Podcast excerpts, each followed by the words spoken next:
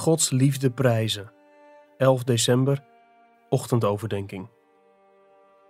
Want zo lief heeft God de wereld gehad, dat Hij zijn enige geboren zoon gegeven heeft, opdat ieder die in Hem gelooft niet verloren gaat, maar eeuwig leven heeft. Johannes 3, vers 16. In Johannes 3, vers 16 leert Jezus ons dat de God die bestaat, lief heeft. Laat dat eens bij je binnenkomen.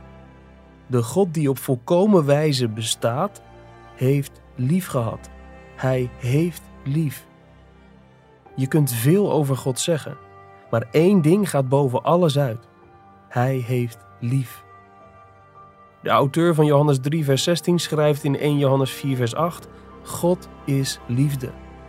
Volgens mij betekent dat op zijn minst dit: dat het geven van wat goed is en wat het welzijn van anderen bevordert, dichter staat bij het wezen van wie God is dan ontvangen en gediend worden. God kent geen behoefte.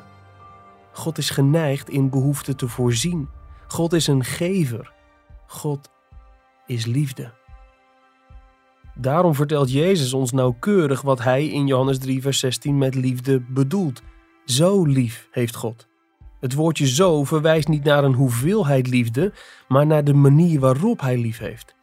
Het betekent niet zoveel liefde heeft God, maar op deze manier heeft God lief. Zo lief heeft God betekent op deze manier heeft God lief gehad. Hoe? Op welke manier heeft God lief gehad? Zo, dat Hij zijn enige geboren zoon gegeven heeft. Wij weten dat dit geven een overgave aan de verwerping en in de dood betekende. Hij kwam tot het zijne, maar de zijnen hebben hem niet aangenomen. Johannes 1, vers 11. In plaats daarvan hebben ze hem gedood. Jezus zei daarover tegen zijn vader: Ik heb u verheerlijkt op de aarde. Ik heb het werk volbracht dat u mij gegeven hebt om te doen.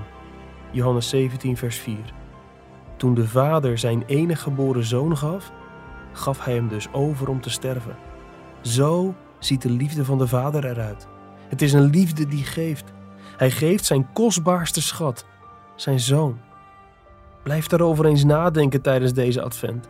Het was een uiterst kostbare liefde, een heel krachtige liefde, een harde, pijnlijke liefde. De betekenis van het kerstfeest is dat we deze liefde prijzen. Zo lief heeft God. Het grootste wonder is dat God deze kostbare liefde schenkt aan een wereld die dat niet verdient. Een wereld vol zondaren zoals wij.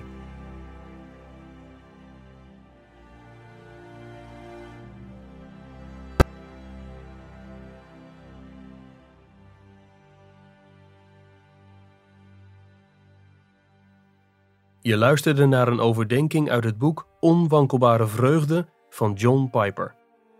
Het boek bevat 50 ochtend- en avondoverdenkingen voor Advent om je te helpen Christus centraal te stellen. Ga naar de webshop van Geloofstrusting om het boek te bestellen of ga naar onwankelbarevreugde.nl voor een online dagboek voor het hele jaar.